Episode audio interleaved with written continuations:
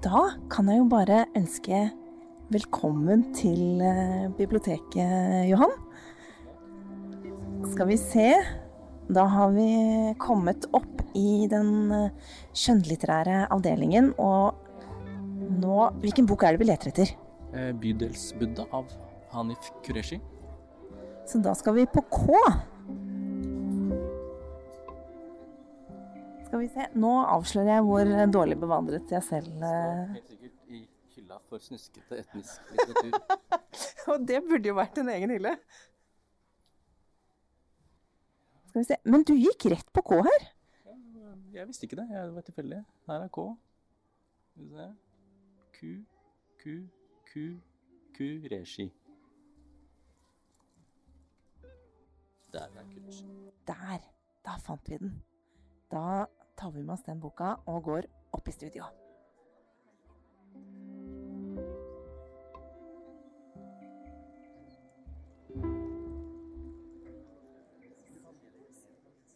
Du hører på Deichman-podkasten Utlånt til, der inviterte gjester forteller om en bok som har hatt en spesiell betydning i livet. Jeg heter Marte, og jeg jobber med program og formidling ved Deichman. Dagens gjest er Johan Shanmugaratnam, journalist og forfatter. Og i fjor så kom du jo med en eh, nydelig essaybok, 'Vi puster fortsatt'. Og i år så kom 'Bruddet' om Storbritannia og brexit. Men du er her for eh, å snakke om en bok i dag, og Hvorfor valgte du deg akkurat eh, Bydelsbuddha? Nei, jeg tenkte ganske nøye etter om det var noen andre bøker jeg ville bruke i denne sammenhengen her, og egentlig så er det sikkert andre bøker jeg har lest som er på en måte bedre. Sånn bedre kvalitet eller bedre handling eller eh, bedre forfatter som har skrevet andre bøker som, mye, eh, som jeg har hatt glede av, osv. Men Samtidig så tror jeg, hvis jeg skal velge en bok som har betydd eh, mest for meg, så er det nok denne. Fordi um, jeg leste den ganske tidlig. Uh, og jeg må innrømme at første gang jeg leste den, så hadde jeg egentlig ikke Jeg tror ikke jeg skjønte så mye.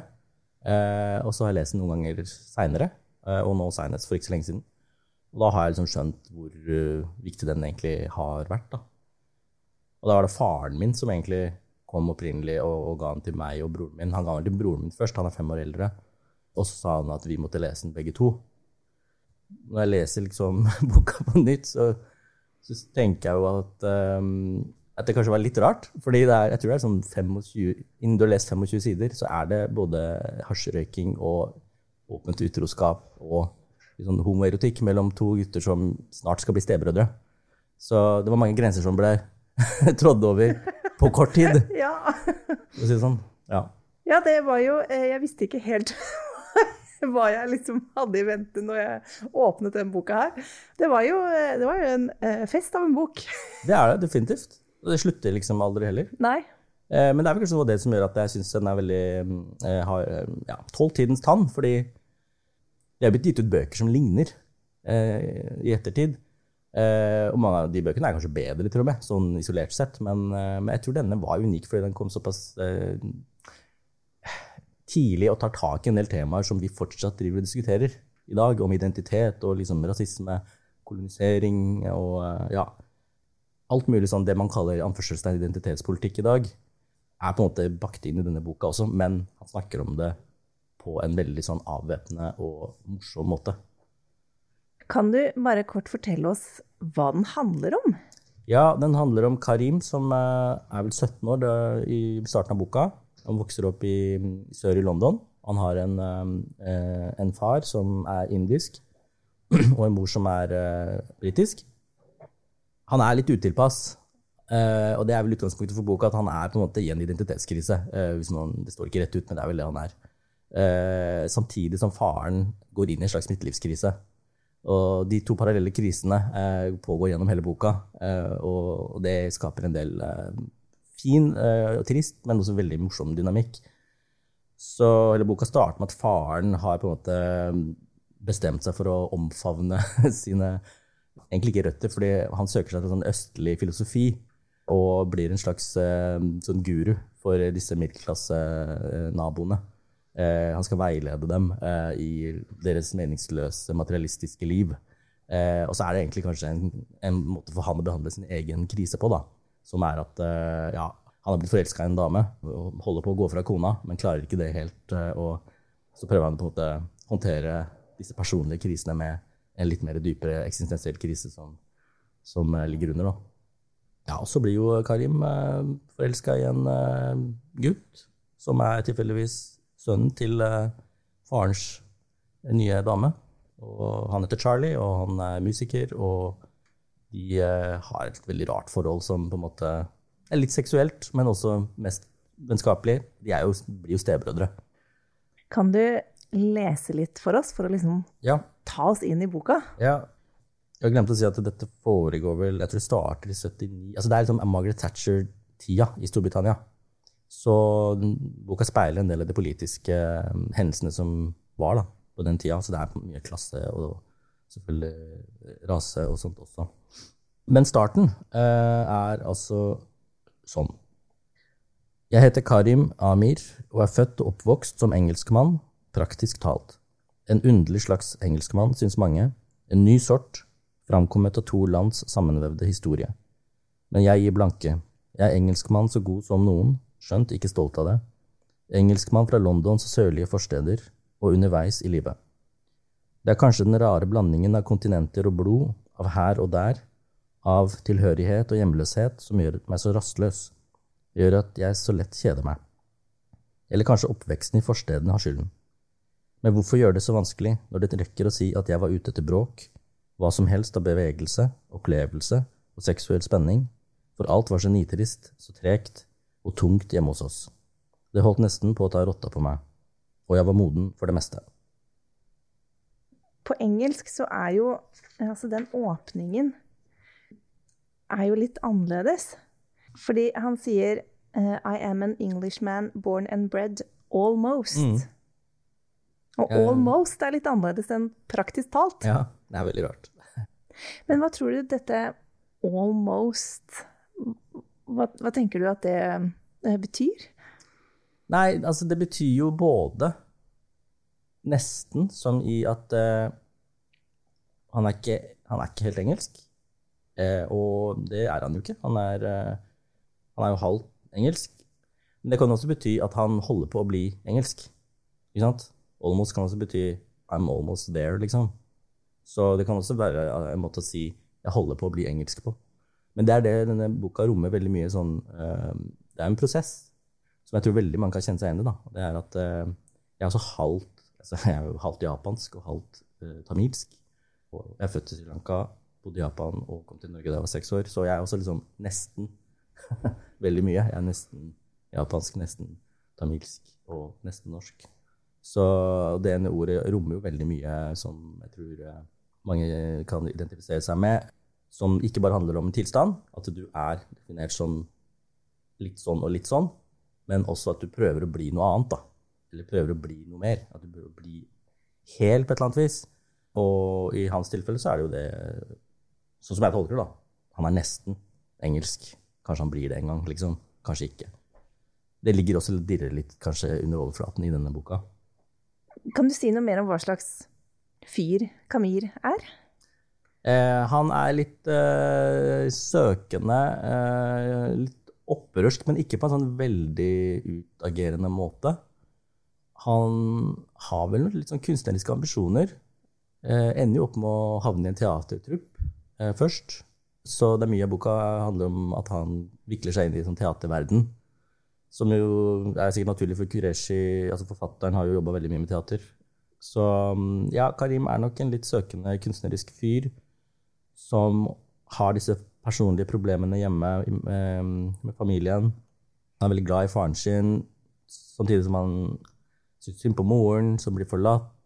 Han er forelska i denne Charlie og har et forhold til bestevenninna si Jamila. Og han, blir, han får et egentlig ganske godt forhold til veldig mange mennesker. Når han går inn i teaterbransjen, så får han seg innleder han forhold der med sånne skuespillerdamer. Han havner i en orgie på et eller annet tidspunkt med han som er eh, teater, han instruktøren, liksom. Ja, det følte jeg var et høydepunkt. ja, det er veldig mye som eh, sklir ut gjennom denne prosessen. Men det er litt fordi han er litt sånn, han sier ja til alt. Og så han bare omfavner alt, og da havner han jo i veldig mange rare situasjoner. Vi må snakke om at han er den første rollen han får. Ja. Ja. Hans debut som eh, skuespiller. ja, hva er det? Denne eh, nye kjæresten til faren eh, kjenner en eh, teaterregissør, The Shadowwell. Men han vil da sette opp et stykke med Karim eh, som hoved, eh, eh, hovedperson. Han sier du er helt perfekt i rollen. Og så sier Karim ja, men hva er rollen? liksom? Nei, du er helt perfekt, liksom. Du, du er rollen, basically. Ja, men hva, hva er rollen? Nei, vi skal sette opp Jungelboka, og du skal spille Mowgli. Da skjønner jo Karim selvfølgelig hva han mener med at du er perfekt i rollen, fordi han var den eneste eh, med den riktige hudfargen og riktige bakgrunnen, da. Eh, han sier jo ja, og litt sånn motvillig. Så skal han få kostyme, som jo bare er et sånn slags sånn tørkle rundt livet, eller skrittet. I tillegg til veldig mye sånn eh, brunfarge, for han var ikke brun nok. Så sminkøren gnir han inn med, med brun farge. Overalt. I tillegg til det, som om ikke det var nok, så insisterer da denne Shadowell på at Karim eh, må gjøre noe med aksenten sin. Så Ja, hva mener du? Nei, eh, du må på en måte bruke bakgrunnen din litt mer. Eh, og det ender med at eh, Og Karim sier nei først. Han sier dette er en politisk sak, jeg kan ikke liksom legge til en aksent for å fylle denne rollen, liksom. Og da blir han eh, regissøren kjempeforbanna, da. Så det ender med at han uh, går i uh, sånn slags bleie og um, klint inn med brunfarge og snakker sånn gebrokkent uh, sånn indisk, engelsk med sånn indisk aksent og spiller uh, Mowgli, da. Og det blir hans kunstneriske gjennombrudd. Hva tenker du om det? Jeg syns det er kjempemorsomt. Det er helt, jeg synes det er helt hysterisk. Fordi han gjør jo egentlig Eller forfatteren, da, Kureshi. det han gjør i store deler av boka, er å liksom harselere med en del sånn middelklassebriter som tenker at de er politisk korrekte og gjør ting for å bringe verden framover. Og så gjør de det ikke eh, i det hele tatt, eller de gjør det på en helt sinnssykt eh, rar måte, da. Jeg tror det har skjedd veldig mye siden den gangen, men jeg tror man fortsatt vil finne lignende ting i kulturlivet, f.eks. også i Norge, da. Fortsatt. Jeg tror det er eh, eh, ikke Jeg tror ikke vi har kommet så langt som man egentlig skulle tro, da. Og jeg føler at Kureshi allerede i denne boka begynner liksom å nøste opp en del sånne ting som vi fortsatt eh, kan sitte og diskutere i, i Norge i dag. Så Derfor så syns jeg det var et, eh, et morsomt eh, grep. Det kan være noen syns det er barnslig og kanskje støtende til og med, liksom, men uh, de som blir driti ut her, er jo uh, disse teaterfolka, da, som syns dette var en genial idé. og det er det uh, britiske forfatteren Sadie Smith eh, som debuterte med hvite tenner ti år etter Buddha of Suburbia. uh, også refererer til ofte at og har skrevet et fint essay om det. Altså, I Karim så kjente hun igjen en person som hun altså, som kunne vært en av vennene hennes, og som gjenspeilte og hadde i seg veldig mye av den energien de hadde, men som de aldri fikk lese om i bøker eller se på film. På hennes skole så sirkulerte denne boka i skolegården som om det skulle vært eh, sigaretter eller pornoblad, skriver hun da i det essayet. Ikke bare pga. disse fantastiske beskrivelsene av, eh, av denne familien og omgivelsene, men eh, og selvfølgelig pga. alle sexreferansene i boka. Men i bunnen så tror jeg også det ligger en sånn, ønske om å lese om folk som ligner på deg selv, men som på en måte overskrider en del grenser. da. Som du kanskje ikke tør å gjøre sjøl. Ja. Hun skriver jo også i det essayet om å bli liksom casta som den eksotiske.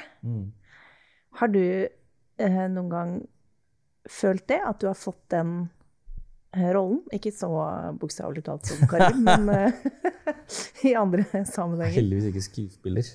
Nei, men altså Klarer jo ikke helt å liksom gi slipp på tanken om at eh, jeg i noen sammenhenger eh, er invitert for å representere et eller annet mer enn meg selv, da. Nå har jeg måttet reise rundt og snakke om den, den, boka som du nevnte, som jeg ga ut i fjor, som handler om rasisme og røtter. og Jeg refererer til og med til eh, bydelsbudda eh, i den. Så da har jeg liksom selvfølgelig tenkt at da snakker jeg om boka, men i en del noen andre sammenhenger så kan det hende at jeg har tenkt liksom Sitter jeg rundt dette bordet egentlig og, og er den eneste ikke-hvite personen fordi jeg skal være den ene ikke-hvite personen? det blir som regel tydelig på et eller annet tidspunkt, enten det er intendert eller ikke, fordi det hender at jeg er den eneste som har en innvending. Når tematikken handler om noe som har med minoriteter å gjøre, så er det liksom OK, jeg er den eneste i minoriteten. Det trenger ikke engang handle om hudfarge. Men uh, igjen, uh, denne Mowgli-scenen er på en måte en måte å dra, dra det helt til ytterpunktet på for å vise på en måte hvor absurd det kan bli. Da. Og din egen bok, 'Vi puster fortsatt', den har du jo skrevet til eh, barna dine. Ja. Og som du sa, så skriver du jo om bydelsbudda mm. i den boka her. Hvorfor, eh, hvorfor var Bydelsbudda så viktig at den, den, måtte med i din bok?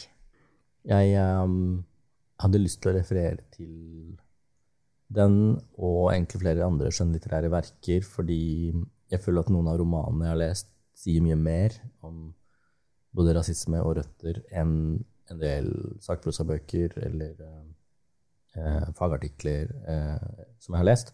Og Bydelsbudda tror jeg egentlig hadde tenkt å bare det var et morsomt poeng jeg hadde lyst til å referere til. Og så leste jeg dette essayet til Zadie Smith, og hun har en veldig viktig refleksjon rundt en scene i boka som kommer ganske tidlig.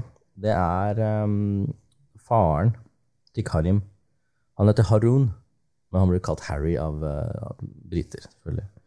Jeg tror han skal ha med seg sønnen sin på en av, et av disse guruseansene som han skal ha i nabolaget. da.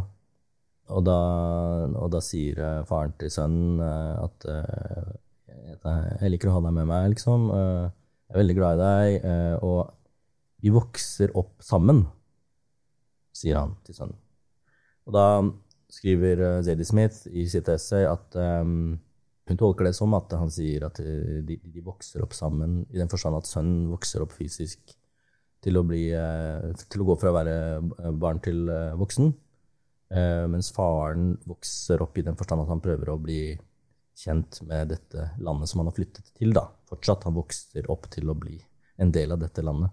Og disse oppvekstene skjer samtidig, med alt det innebærer av uh, ting som er vakkert og, og smertefullt. da.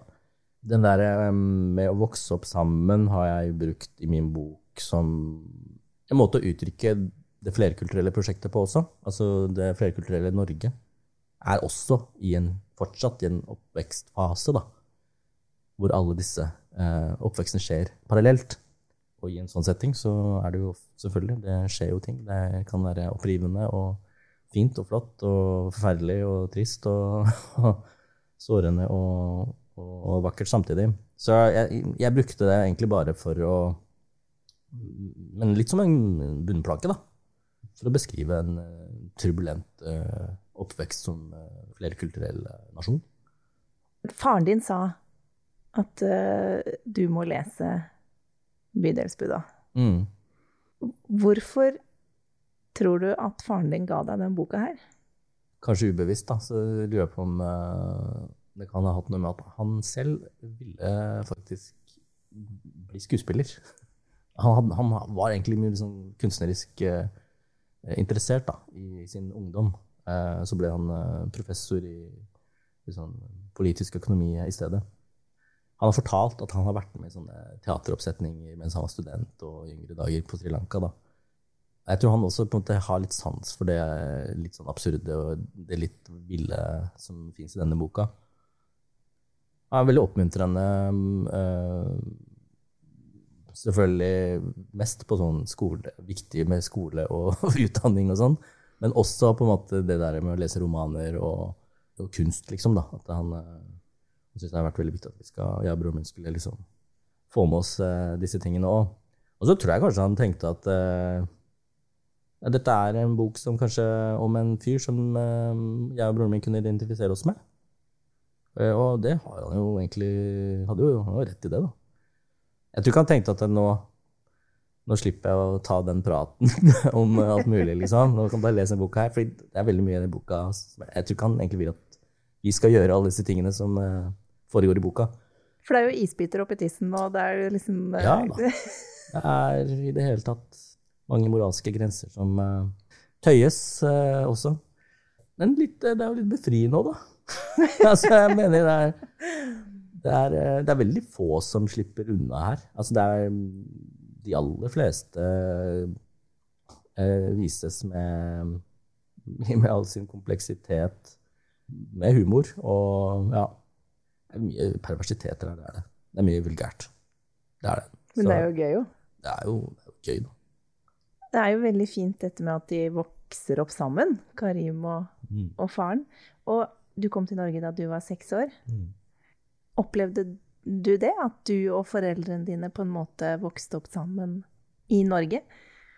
Ja, og det som er litt fascinerende med den prosessen, som jeg tror gjelder flere, da, det er at i noen sammenhenger så blir på en måte rollene snudd.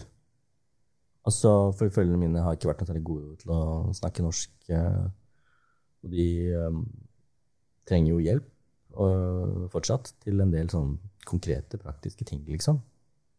Fylle ut skjemaer, ringe for å altså, klage på ting, eller uh, skrive bursdagskort på norsk.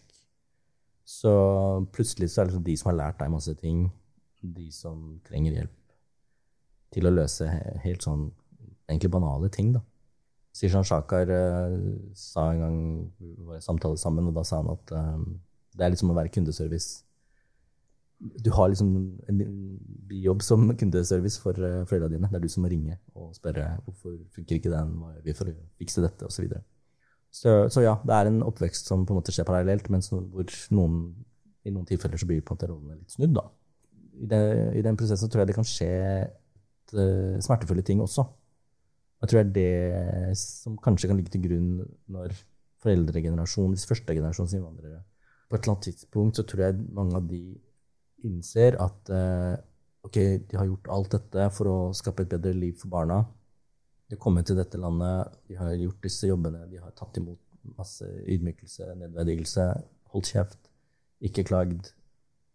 Og så uh, går det opp for dem at uh, de skal dø i dette landet. Og da tror jeg det skjer et eller annet med dem. Noen av de tror jeg liksom søker seg mer tilbake til alt det de forlot, da. Både kulturelt og kanskje religiøst, eller Så den, den oppveksten innebærer jo også det at eh, ja, du har en generasjon som kanskje er født her, eller som kom hit som barn, og fysisk vokser opp og kommer til å bli her. Og så har du en foreldregenerasjon som kom hit som voksne, og som har prøvd å tilpasse seg og bli en del av samfunnet, og som kanskje aldri helt greier det, vel vitende om at de skal dø da, i det som for dem er et fremmed land. Så det er, eh, det er masse vanskelig der som på en måte oppstår. Men mye fint òg, da. Det må jo være heftig den oppdagelsen med at jeg skal dø Ja. her. I Ja. et land som ikke er uh, Mm. mitt. Og det, jeg tror ikke man tenker over det når man forlater landet på jakt etter en jobb og en framtid for eh, seg og barna, så tror jeg ikke det er det man tenker på. Men på et eller annet tidspunkt så begynner man å tenke på det. Jeg tror det, det er sikkert mange som faller til ro med det og syns det er eh, helt, eller nesten helt uproblematisk, mens uh, for andre så er det helt sikkert et eller annet uh, savn der, da. Har du blitt uh, fremmed for dine foreldre? Nei, jeg føler jeg har kommet nærmere de. Kanskje særlig etter den jobben med den boka, for da intervjua jeg, eller jeg intervjua de flere ganger for å få um, historien For jeg har med historien om hvordan de møttes. For det er liksom en egen historie. Faren min studerte i Japan og, møtte moren min der. Det var veldig sånn dramatisk, fordi foreldrene til moren min ville ikke at hun skulle gifte seg med han, fordi han var eh, utlending og kom fra et fattig land, rett og slett. Det er ikke sikkert jeg hadde vært like bekymra hvis han eh, kom fra et eh, velstående land og, og var hvit, liksom. Men, men de var veldig imot at hun skulle gifte seg med han. Det endte med at hun stakk av fra foreldrene sine. Altså hun stakk av hjemmefra. eh, og eh, farta rundt med faren min og endte opp med å dra til Sri Lanka og bo der i ti år, da. Så for å få alle detaljene rundt den historien, så har jeg snakka med de flere ganger, og da har de liksom fortalt mye mer enn de har gjort før. Og jeg tror de også satte pris på det og kunne bare fortelle det, fordi jeg tror de liksom syntes det, det er viktig for dem. da. Eh, og poenget med å ha med den historien i boka var å vise at eh, det gikk jo bra til slutt. altså Mine besteforeldre i Japan lærte seg jo å eh, sette pris på faren min, og de kom over på en måte de fordommene de hadde. da. Så mm, jeg ville bare vise at altså fordommer er noe som finnes overalt i verden. Fremmedfrykt er noe som finnes overalt i verden, uavhengig av kontinent og utfarge. Men det er ikke noe permanent. da. Det er noe som kan bekjempe og komme over på et eller annet vis. Så ja, og i den prosessen så, mm, så følte jeg at jeg kom litt nærmere de, fordi da fikk jeg vite mer, rett og slett. da. Men det er veldig mye de ikke har fortalt. ikke sant? Og det, jeg tror, altså De færreste innvandrerbarn skriver bøker om foreldrene sine. Nå er det flere som har gjort skrevet bøker om oppveksten sin, og hvor på en måte hele familiebakgrunnen er en del av historien. og det er kjempebra. Men de aller færreste gjør jo det. Så det betyr også at de aller fleste foreldre kan hende de har fortalt barna sine om det, men de når på en måte sjelden ut til, til storsamfunnet. da. Så deres historie er, det er veldig mye vi ikke vet, rett og slett. Eh, jeg tror det er masse mer eh, der ute. Eller jeg vet at det er det. Er det det at de ikke vil fortelle?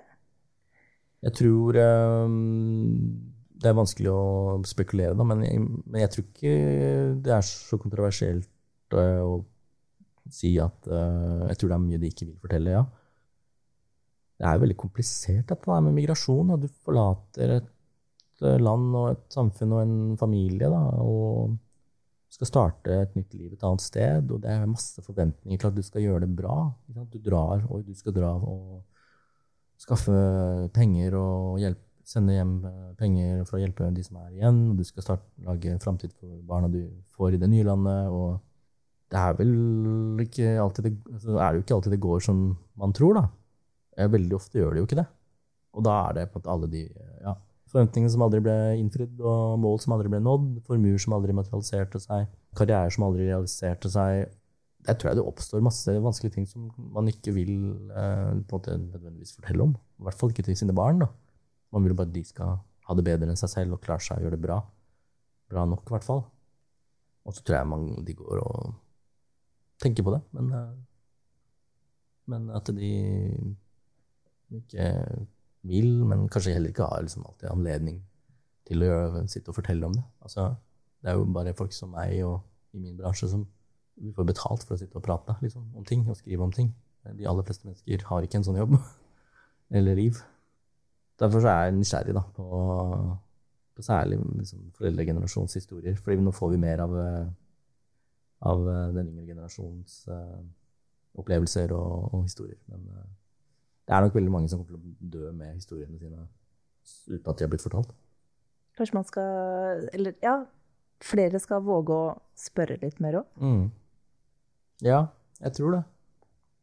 Kanskje det er flere som sitter og venter på å bli spurt, enn vi egentlig tror, da. Litt tilbake til bydelsbuddha igjen. Mm.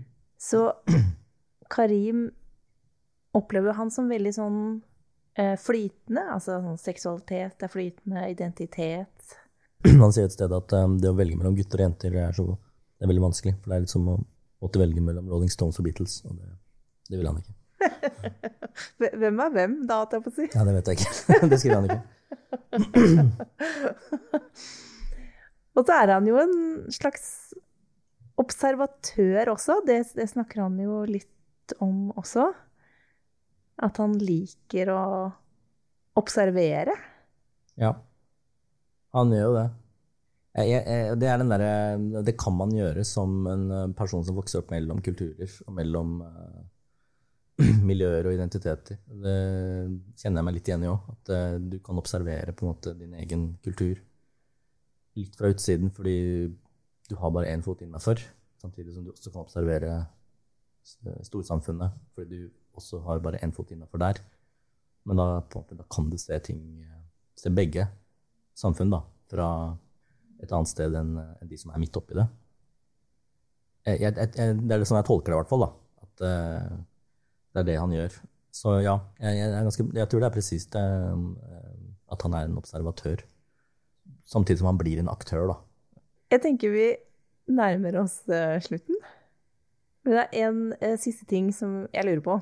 Din far ga denne til deg og din bror. Er det denne boka du kommer til å gi videre til dine barn? Eh, ja, det kunne jeg gjerne gjort. Ja. Jeg eh, har jo skrevet en bok til barna mine selv som de ennå ikke har lest. Så, så eh, etter den så kan de få lov å lese den. Ja. Definitivt. Du kommer ikke til å sitte med sånn, eh, sånn svart penn? og liksom nei, nei, nei, nei, nei. Da er hele poenget borte. Jeg skriver i, i min bok også, at, uh, når jeg refererer til denne, at, uh, at, det var litt rart at jeg fikk den av faren min, siden det er så mye fyll og dop og sex og umoral. Generell umoral i den. Uh, men det er jo det som gjør boka så bra, da, syns jeg. Så ja, selvfølgelig. En del av livets realiteter. litt ufiltrert. Ja. det er viktig, det. Viktig bagasje. Johan, tusen takk for samtalen. Takk for at jeg fikk komme. Og takk for at du tok turen til eh, biblioteket. Og takk til deg som har eh, lyttet til eh, Deichman-podkasten Utlånt til. Boka vi har snakket om, 'Bydelsbuddha' av Hanif Kureishi og oversatt av Inge Gjelsvik, den kan du låne her på biblioteket.